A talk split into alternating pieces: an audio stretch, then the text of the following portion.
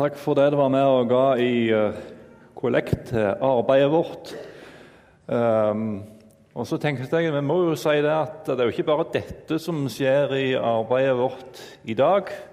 Uh, denne helga her så er de eldste y-erne de er på i Lindås og har ei uh, avslutningshelg der. og det, jeg, tror de har det, jeg tror de har det veldig gøy. Eh, så Det tenker jeg vi kan ta med oss når vi ber. Og så ber vi òg for uh, kollekten. Herre Jesus, jeg uh, takker deg for din gode Hellige Ånd. Takk, Herre, for at du er her med ditt ord og med din Hellige Ånd. Og du er her sjøl, Herre. Det er, jo, det er jo ikke til å fatte og begripe, men Herre, det er faktisk sant. Og så ber vi om at du som er her, at du kan møte oss.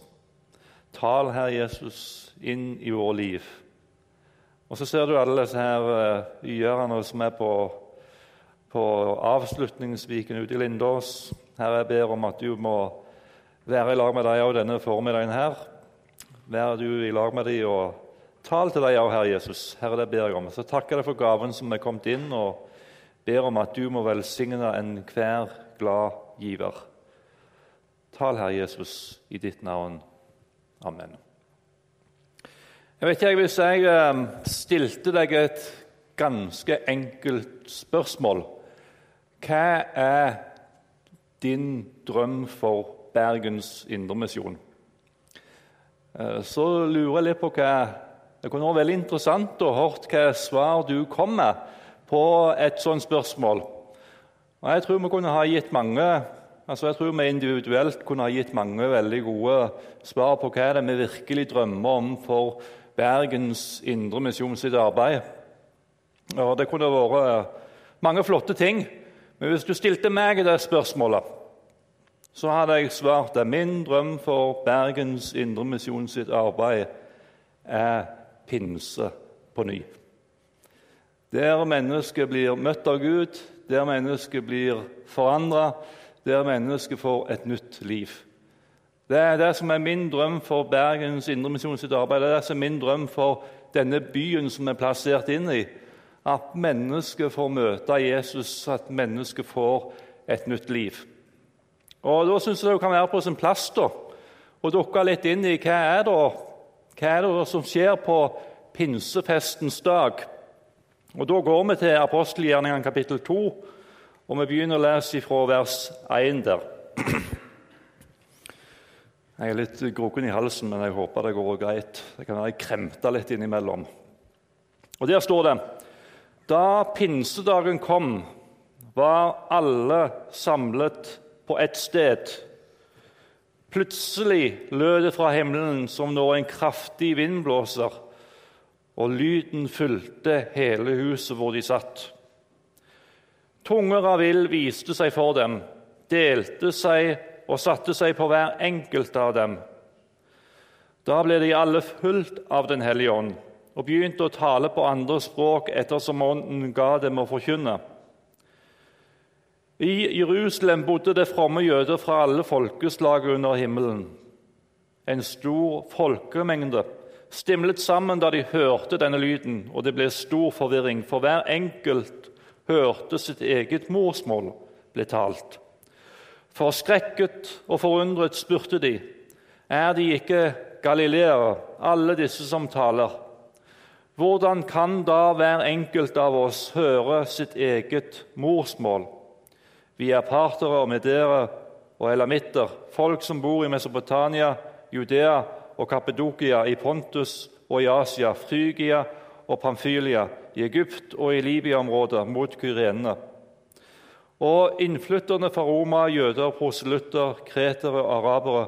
Og vi hører dem alle tale om Guds storverk på vårt eget tungemål. Av og til tenker jeg når jeg, av og til tenker jeg når jeg leser i Bibelen, at jeg skulle likt å være ei flue på veggen og vært vitne til det jeg leser om i Bibelen. Og Det tenker jeg òg når jeg leser disse versene om når Den hellige ånd kom på pinsefestens dag. Gud han manifesterer seg på en synlig måte denne dagen. Først kom det en lyd som hørtes ut som en kraftig vind. Lyden fulgte hele huset. Og så kom det ildtunge som satte seg på hver enkelt av disiplene. Så hørte de alle som var der, de taler om Guds storverk på deres eget språk. Guds rike kom ned på jorda og ble synlig midt iblant dem. Og Jeg syns vi skal lese de versene som står videre her, for det skapte jo forvirring blant de som hørte på. Og Det står videre fra vers 12. De visste ikke hva de skulle tro, og forvirret spurte de hverandre hva er dette for noe. Jeg kan jo undre deg på, ja. Um, men noen gjorde narr av dem også. de har drukket seg ville på søt vin, fulle på søt vin. Da steg Peter fram sammen med de elleve. Han hevet stemmen og talte til dem. Jødiske menn, alle, bor, alle dere som bor i Jerusalem. Merk dere hva jeg sier, og lytt nøye til mine ord. Disse mennene er ikke fulle, slik dere tror. Det er jo bare den tredje timen på dagen. Men her skjer det som er sagt gjennom profeten Joel. I de siste dager skal det skje, sier Gud, at jeg øser ut min ånd over alle mennesker. Deres sønner og døtre skal profetere. De unge skal se syn, og de gamle skal drømme drømmer. Selv over mine slaver og slavekvinner vil jeg i de dager øse ut min ånd, og de skal tale profetisk. profetisk. Og Hvis du da leser videre i apostelgjerningene kapittel 2, så uh, holder Peter en, en tale. og Det er en det er en interessant greie bare det, å lese den talen. Eh, for den talen den er jo i stor grad eh, sitat fra Det gamle testamentet. Hvor Peter han eh, beviser at Jesus han var den Messias som Gammeltestamentet sa skulle komme. Um, og Her er mange interessante ting i denne, denne historien. Hva er det vi kan ta lærdom av inn i vårt eget liv?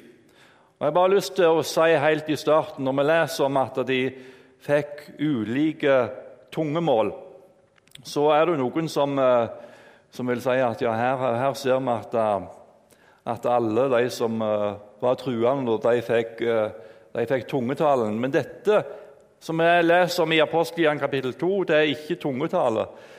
Det er et språkunder der Gud lot disse som var hans etterfølgere, tale på ulike språk, sånn at folk forsto virkelig hva som ble sagt. Nå har jeg jo hørt om folk som uh, har tungetalens gave, som uh, i, plutselig er de i en setting der det er folk som taler et annet språk, snakker et annet språk, og så har de en tungetale. Og så er det da noen som uh, plutselig forstår det de sier, for de snakker på deres eget språk. Det tror jeg faktisk kan skje. Men dette er ikke tungetale, det vi er vitne til her. Det er et språkunder. Og Det har jeg lyst til å si litt om eh, eh, i eh, forlengelsen her. Og det er at Guds ord det blir tilgjengelig på det språket de snakka, sånn at de kunne forstå det som ble sagt. Her var det mennesker som eh, hadde ulike språk. De var, det var jøder, men de hadde likevel ulike, ulike språk. Og Pinseunderet det handla jo om at Guds ord blir tilgjengelig for det enkelte mennesket. Gud han hadde en interesse av at hver enkelt skulle forstå Guds ord på en måte sånn at de kunne ta stilling til det inn i deres eget liv. Og dette er det vi er vitne til her i denne historien. Og Ser vi i andre plasser av Bibelen, så ser vi at eh, Gud er, Gud er så interessert i at folk ikke bare skal være, være, ha en ærefrykt for Gud på en sånn måte at de nærmest står i ærbødighet og i, i, nærmest i en frykt for Gud. Men Gud har en interesse av at mennesket hvor de enn er, skal høre Guds ord, ta stilling til det i deres eget liv, ta imot det inn i sitt eget liv, sånn at de virkelig blir nye skapninger. I, uh, vi skal ta et annet eksempel fra Bibelen. I Nehemjas bok så kan vi lese om hva som skjer med israelsfolket når de kommer igjen fra fangenskapet i Babylon. Uh, de gjenreiser murene i Jerusalem. Og så skjer det en åndelig og moralsk gjenreising av det jødiske folket. Det kan vi lese om fra kapittel 7 til 10 i Nehemjas bok. Og I kapittel 8 så kan vi lese om noe av det store som skjer blant det jødiske folket. De hadde funnet fram de hadde funnet fram lovboken som Gud hadde gitt til, til Israels folk. Og Esra han begynte å, å lese fra boka. De samla seg en svær folkemengde framfor Esra, og så begynte han å lese. Og de satt og de hørte det som ble lest opp fra lovens bok. Og, og da står det i vers 8 De leste opp fra Guds lovbok mens de tolket og forklarte det som ble lest, slik at folket skulle forstå. Jeg synes er, Når du kommer hjem i dag, så, så les gjerne kapittel 8 i Nehemias bok. Jeg syns det er en, en, en, en uh, fin historie om hvordan Gud virkelig møter det jødiske folket. Der han møter dem på en sånn måte at det skaper en forandring i deres liv. For resultatet ble gråt. Resultatet ble glede. Resultatet ble bekjennelse. Hør bare her hva det står i, i vers 12. De laget en stor fest, for de hadde forstått det som ble sagt til dem. Og i vers, eh, kapittel 9 og vers 2.: De som var av Israels ett, skilte seg fra alle de fremmede. De sto fram og bekjente sine synder og fedrenes skyld. Når dette, når dette skjer, som vi leser om her Det blir gråt, det blir glede, det blir bekjennelse. Så er det Den hellige ånd som er i virksomhet. Som taler inn i menneskets liv, sånn at de forstår, de erkjenner, de bøyer seg for Guds ord og tar ham inn i sitt eget liv. Og Det er jo akkurat det vi vitner til på pinsefestens dag.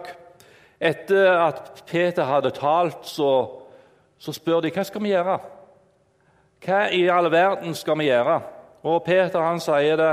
Vend om og la dere døpe til Jesu Kristi navn. Så skal dere få tilgivelse for synden og Den hellige ånds gave.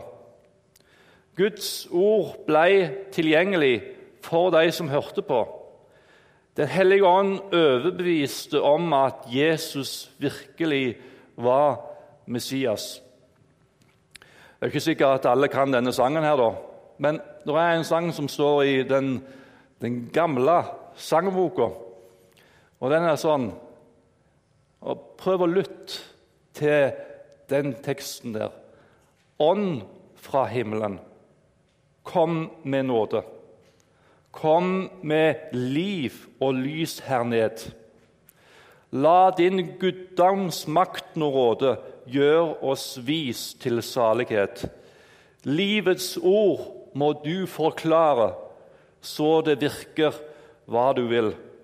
La oss her dets kraft erfare.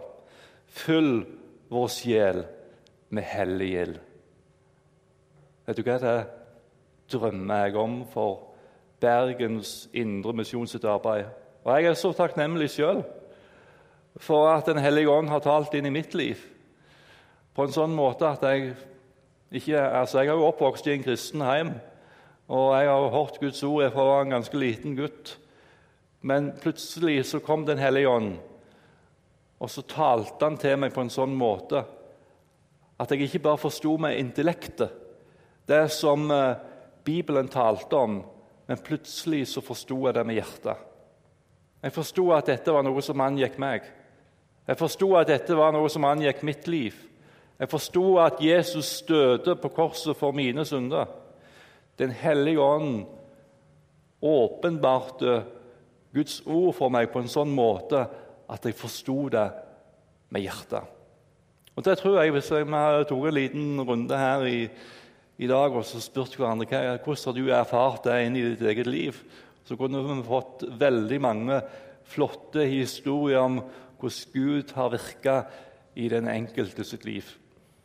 Uh, det skal vi være takknemlige for. Men så er det da en, eh, en erkjennelse i som jeg iallfall, om at det er jo nettopp det, er jo nettopp det vi trenger eh, i møte med mennesker som ikke tror. For vi omgås alle av mennesker som ikke tror. Eh, vi har naboer vi har ja, Jeg har jo ikke arbeidskollegaer som ikke tror akkurat, men, men det har kanskje du. Eh, men, eh, og vi har eh, familie som, som, som ikke kjenner Jesus. Og vi vi må be Gud om, om, om Den hellige ånds kraft. At vi må være fylt av Den hellige ånd på en sånn måte at vi kan få lov til å være med og formidle Guds ord inn i deres liv, sånn at de forstår det ikke bare med hodet, men at de òg forstår det med hjertet. Men kanskje må vi begynne av og til med å forklare det i Guds ord sånn at de forstår det med intellektet. Altså Hvis folk ikke forstår hva dette dreier seg om, hvis, hvis ikke de hører budskapet forkynt, hvordan kan de da i all verden tro? Og Da må vi be Gud om visdom og gjøre Guds ord så tilgjengelig for dem at de forstår med intellektet hva det er virkelig vi prater om. Men så er det Den hellige ånd da, som må komme og skape liv i disse ordene. Sånn at de bøyer seg for Guds ord, sånn at de åpner seg for Jesus og lukker ham inn i sitt liv. Um, vi, trenger, vi trenger et nytt pinseunder i denne byen her. Vi trenger et nytt pinseunder i denne byen, der Den hellige ånd kommer med sin kraft og taler inn i folk sin liv. Det drømmer jeg om for denne byen. Dette drømmer jeg om for Bergens Indremisjon sitt arbeid. Dette drømmer jeg om de mennesker som vi kommer i berøring med. Og så tenker jeg av og til når jeg står og så, og så prater med folk og prater om folk om, om, eh, om Jesus og om Guds ord, og, og, så, og, så, skjer det ikke noe. Og jeg kjenner sånn lengsel etter at du, Hellige Ånd, du må komme. Du må komme og tale inn i folks liv. Du må åpne hjertene til folk sånn at de tar imot deg inn i, inn i sitt eget liv. Um, det neste jeg har lyst til å si noe om, det er at det er virkelig pinse det resulterer i et fokus på Jesus. Um, det er jo ingen tvil om når vi leser om pinseunder, så ble resultatet at Jesu navn det ble æra. Og det var merkelige ting som skjedde. Altså, Vi leser om at, de, eh, om at Guds ord det manifesterte seg på en synlig måte. Først kom det en lyd som hørtes ut som sterk vind. Og så kom det ildtunge som satte seg på hovene deres. Og så begynte de å snakke forskjellige språk. Men det er jo ingen tvil om at resultatet ble et fokus på Jesus, og at Jesu navn ble æra. Det var 3000 mennesker som denne dagen her ble døpt og lagt til Guds menighet. Og Ut ifra det vi ser på pinsefestens dag, og leser vi gjennom hele apostlenes gjerninger, så må vi ikke bli overraska om vi da ser at ekstraordinære ting kan skje når Den hellige ånd kommer med sitt nærvær, og Den hellige ånd kommer sterkt midt iblant oss. Det bør ikke overraske oss hvis vi kjenner vår bibel, at det òg kan skje. Ehm, vi leser om eh, Dette ser vi gjentatte ganger gjennom hele apostlenes gjerninger. Altså, du ser helbredelse, du ser tegn, du ser under som skjer. Og Gud er sterkt og synlig til stede. Men du skal legge merke med at det er ikke undera, det er ikke tegna, det er ikke helbredelsene som er målet i seg sjøl.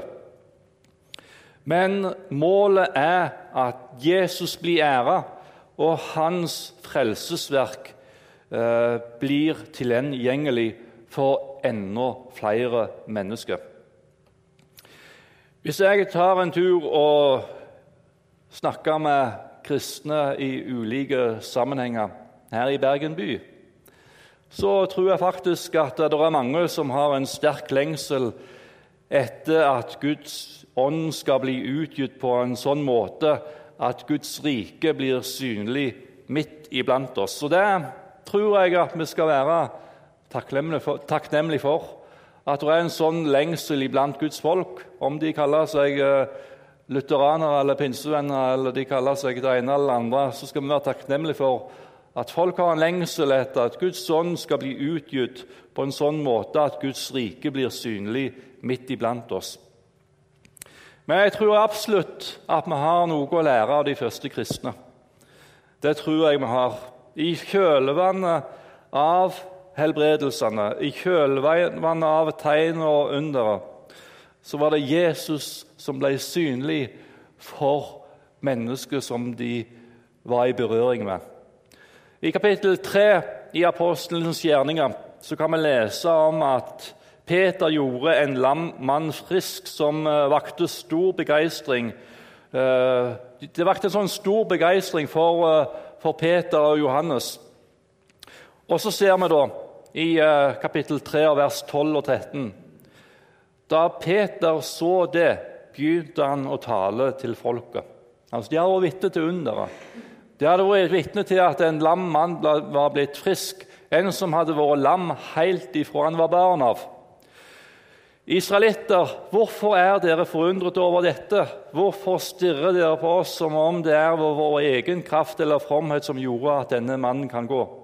Nei, Abrahams, Isaks og Jakobs Gud, våre fedres Gud, har herliggjort sin tjener.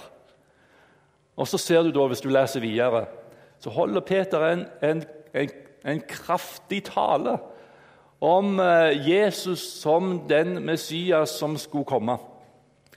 Og Resultatet ble at eh, hvis du da leser litt lenger rett etter dette som skjedde, så ser du at tallet på menn som var kommet til tro, hadde økt til 5000. Og så ser vi hva var det som var fokuset deres. Fokuset var ikke på det ekstraordinære, på tegner, på under og på helbredelsene. Det var noe som var en, en del av det hele. Men fokuset som resultatet ble at Jesu navn ble æra, at Jesu navn ble stort. Så la oss eh, lære de første kristne. Gud han kan helbrede. Gud han kan gjøre tegn. Gud han kan gjøre under òg i 2017. Men la det vi måtte oppleve av disse tingene, la det få lov til å være med og peke på Jesus. På Jesus som den korsfesta, som Jesus som den oppstandende, som Jesus som verdens frelser. Det kan vi lære av de første kristne. Um, det neste jeg har lyst til å si noe om, det er at det var, det var bønn før pinseunderet.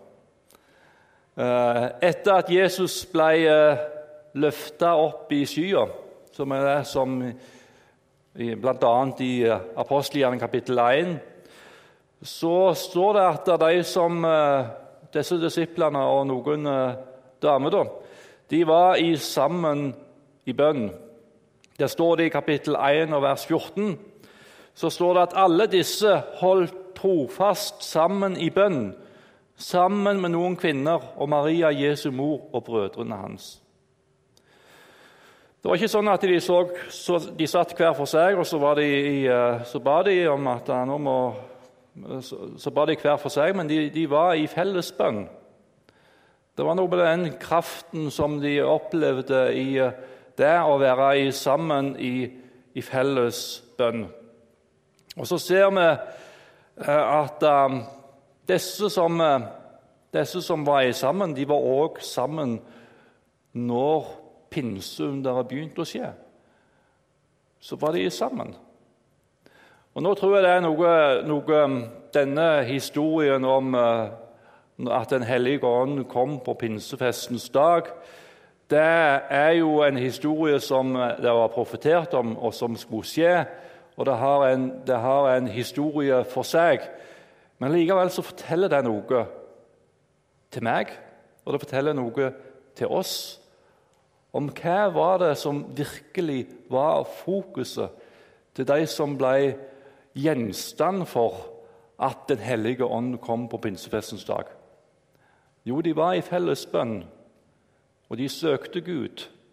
Det var noe av det som var fokuset til uh, første, de første kristne, de som fulgte etter Jesus. Og Det var det som var fokuset deres før at de um, uh, fikk oppleve Den hellige ånds utgytelse. Og Det samme det ser vi skjer senere òg, i apostlenes gjerninger.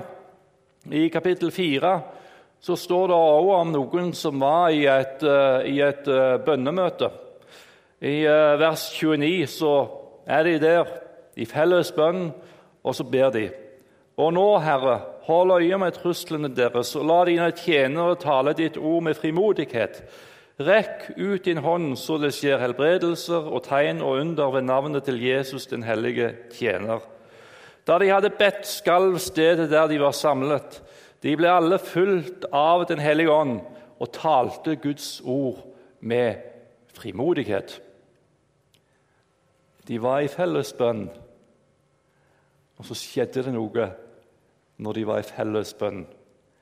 De ble fulgt med Den hellige ånd og de talte Guds ord med frimodighet. Um, bønn resulterte i åndsutgytelse. Bønn resulterte i at de ble fulgt med Den hellige ånd. Og Det er noe med det å eh, bli fulgt med Den hellige ånd. Så tror jo jeg da at det aller viktigste når vi skal bli fulgt med Den hellige ånd, det er at vi fyller oss med denne boka her. Det er at vi fyller oss med Guds ord. Det er noe av det viktigste vi kan eh, bedrive med hvis vi har en lengsel etter å bli fulgt med Den hellige ånd. Så må vi bli fulgt med denne boka her. Men så er det noe også som eh, jeg ikke helt uh, får taket på når det gjelder Den hellige ånd. For, for, det er jo ikke noe tvil om at uh, i visse situasjoner, i visse tider, så kommer Guds ånd med en sånn kraft og følge et menneske. Og at de får en sånn frimodighet til og Det er det vi leser om her. Vi kan ikke si at, at plutselig dere nå så når vi leser i Apostelian kapittel 4, plutselig så ble de så fulgt av Guds ord. Jeg tror de hadde vært fulgt av Guds ord før. Og når de var fulgt med Guds ord, så hadde Den hellige ånd et, en plass, et rom der inne, som han òg kunne komme og fylle hjertet med, med sin Hellige Ånd. Eh, men bønn resulterte i åndsutgytelse. Og Det ser vi hvis du leser opp igjennom i hele Kirkens historie. Så er det ikke noe tvil om at før at Guds ånd kommer på en sterk og synlig måte, så er det mennesker som har vært i bønn til Gud, mennesker som har søkt Han. Og En av, de, eh, en av, de, en av disse flotte historiene om, eh, om bønn og åndsutgytelse. Det er om Spurgeon. Han er jo en av verdens mest kjente predikanter. Han levde på 1800-tallet. Og Han kom som pastor i London i 1854. Hans eh, menighet vokste, og etter hvert så talte hans menighet 14 000 medlemmer. Og Det antas at han forkynte for nærmere ti millioner mennesker. Og Da han døde i 1892, så kom 60 eh, 000 mennesker for å vise han den siste ære. Eh, mens han levde, da, så var det jo eh, altså Vi har jo sånn Det er av og til interessant, for vi òg har jo Det er jo ikke noe nytt, da men her leser vi om noen som kom til hans menighet for å lære hva er hemmeligheten bak denne, dette voksende arbeidet som han var en del av. Og Det skjer jo i dag òg. At mennesker de valfarter litt, og så vil de prøve å finne ut hva er hemmeligheten bak denne menighetens vekst. Og når de kom til denne menigheten til Spurgeon og ville vite av hva var hemmeligheten bak virksomheten hans, så tok han de med seg inn i et bønnerom i kjelleren. Og Der fantes det alltid mennesker knelende i forbønn for menigheten. Og da pleide denne pastoren erklære Her er denne menigheten sin kraftstasjon. Bønn før åndsutgytelse. Hva er det bønn er et uh, signal om? Hva er det bønn er et signal om? Og hva er det som skjer når jeg ber? Da står jeg framfor Gud, og så rekker jeg ut mine hender. Og så sier jeg til Gud, 'Gud, jeg kan ikke, men du kan.' Og Når jeg da ser på denne byen her, alle disse menneskene som ikke kjenner Jesus i denne byen, og så tenker jeg, 'Gud, jeg kan ikke frelse dem, men du kan.' Bønn er et signal om at vi trenger Gud. Og Så kan jo stille seg spørsmålet når vi da ikke ber, når vi da ikke søker Hans ansikt, hva er det et signal om? Er det et signal om at vi ikke trenger Gud? Vi kan stille oss disse spørsmålene inn i vårt eget liv og inn i, inn i vår egen sammenheng. Jeg har bare lyst til å minne om, når vi snakker om dette, så har vi starta opp med bønnemøte her i Betlehem hver tirsdag fra klokka halv ni til halv ti. Og det er ikke altså det, er, det er god plass til deg òg der, for å si det sånn. Og du er hjertelig velkommen til å være i lag med de som da er i bønn.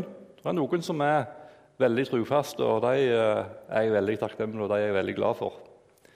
Eh, men eh, det er plass til deg òg, der vi kan få lov til å komme sammen. Der vi kan få lov til å søke Gud der vi kan be for denne byen i fellesskap. Jeg tror at mange av dere ber allerede. Det tror jeg.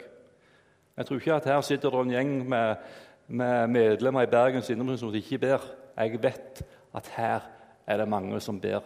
Men jeg tror det er en enorm kraft i det å komme sammen i bønn til Gud. Der vi får lov til å søke Gud i fellesskap. Der vi får lov til å søke Gud i lag for hverandre, det med å forsøke Gud i lag for byen. Det gjør noe med oss, det er ikke noe tvil om. Og så strekker vi hendene i fellesskap til Gud, og så sier Gud vi kan ikke. Vi kan ikke, Gud. Men du, Herre, du kan. Um, vi kan ikke Nå skal jeg snart slutte av. Vi kan ikke ta oss til noe som helst. Vi kan ikke skape liv. Vi kan ikke fylle oss sjøl med Den hellige ånd. Vi kan ikke sjøl få fokus på Jesus. Men vi kan, vi kan stille oss åpne for de kanalene som han har gitt oss sånn at han kan få komme inn med sitt nærvær og sin Hellige Ånd i, um, i uh, våre egne liv. Uh, og Av og til så tror jeg og Nå vet ikke jeg hvordan det er med deg i ditt liv, men av og til tror jeg at Gud må rense oss. Um, av og til tror jeg det er ting i våre egne liv som, som Gud må renske ut for at han kan få lov til å komme inn. Og hva det er i ditt liv, det vet ikke jeg. Kanskje er det noen ting Gud trenger. Kanskje du er ønska allerede. Eh, men jeg vet av egen erfaring så er det tider i mitt liv da jeg vet at Den hellige ånd den har ikke hatt de aller beste arbeidsvilkårene. Det er, det er ikke noe kjekt å stå og si, men det er faktisk tilfellet. Noen ganger i mitt liv så har ikke Den hellige ånd hatt de aller beste arbeidsvilkårene. Og hvorfor? For det var noen ting som var her, som absolutt ikke skulle ha vært der. Men vet du hva jeg er glad for? Vet du hva jeg er glad for? At Gud da ikke ga meg et spark i ræva og sa at nå kan det bare være slutt med deg. Nå kan du bare ha det så godt. Men han har stått der, og så har han kalt meg inn til seg. Og så har han spurt meg du Glenn, kan jeg få lov til å rense deg. Kan jeg få lov til å rense deg? Og så har Gud kommet, og så er det noen ting som er blitt renska ut, sånn at Guds hellige ånd kunne få lov til å komme inn. Kanskje det er noe som gjelder deg. Ehm, eh, men jeg, jeg kjenner en sånn eh, jeg har, lyst til at skal, at vi skal be nå. Jeg har lyst til at vi skal be om Den hellige ånds åndsutgytelse inn i vår egen liv. Om det betyr at Gud må renske opp noe i ditt eget liv, så må Gud få lov til å tale sterkt til deg nå i dag. Eh, men jeg ber, om, jeg ber Gud om at du må tale inn til hver enkelt. Jeg ber om at du må gjøre ditt verk sånn som du ønsker med hver enkelt av oss. Herre, jeg ber om at vi må få lov til å være fulgt av deg og din Hellige Ånd. Vi må være fulgt av ditt ord. Herre Jesus, jeg ber for denne byen her. Jeg ber om pinse på ny. Jeg ber om åndsutgytelse. Jeg ber om at mennesker må bli møtt av deg, Herre. Jeg ber om at mennesker må bli forandra. Jeg ber om at mennesker som du har betalt prisen for, at de virkelig kan åpne sitt hjerte for deg og lukke deg inn i livet sitt, Herre. Herre Jesus, jeg ber om at ditt navn må bli æra. Jeg ber om at ditt navn må bli stort. Jeg ber om at du må bli synlig midt iblant oss, Herre. Herre, Kom, Hellige Ånd, og gjør ditt verk i vårt fellesskap og i vår by. Jeg ber for alt ditt folk i Bergen by, Herre Jesus. Jeg ber om ditt nærvær. Jeg ber om din Hellige Ånds utgytelse. Jeg ber om at vi alle kan få lov til å oppleve og se at gjennom de som tror på deg, så er det andre mennesker som blir møtt av deg på en sånn måte at liv blir forandra. Herre, vi ber om vekst for ditt rike i denne byen. Kom, Hellige Ånd, og gjør ditt verk.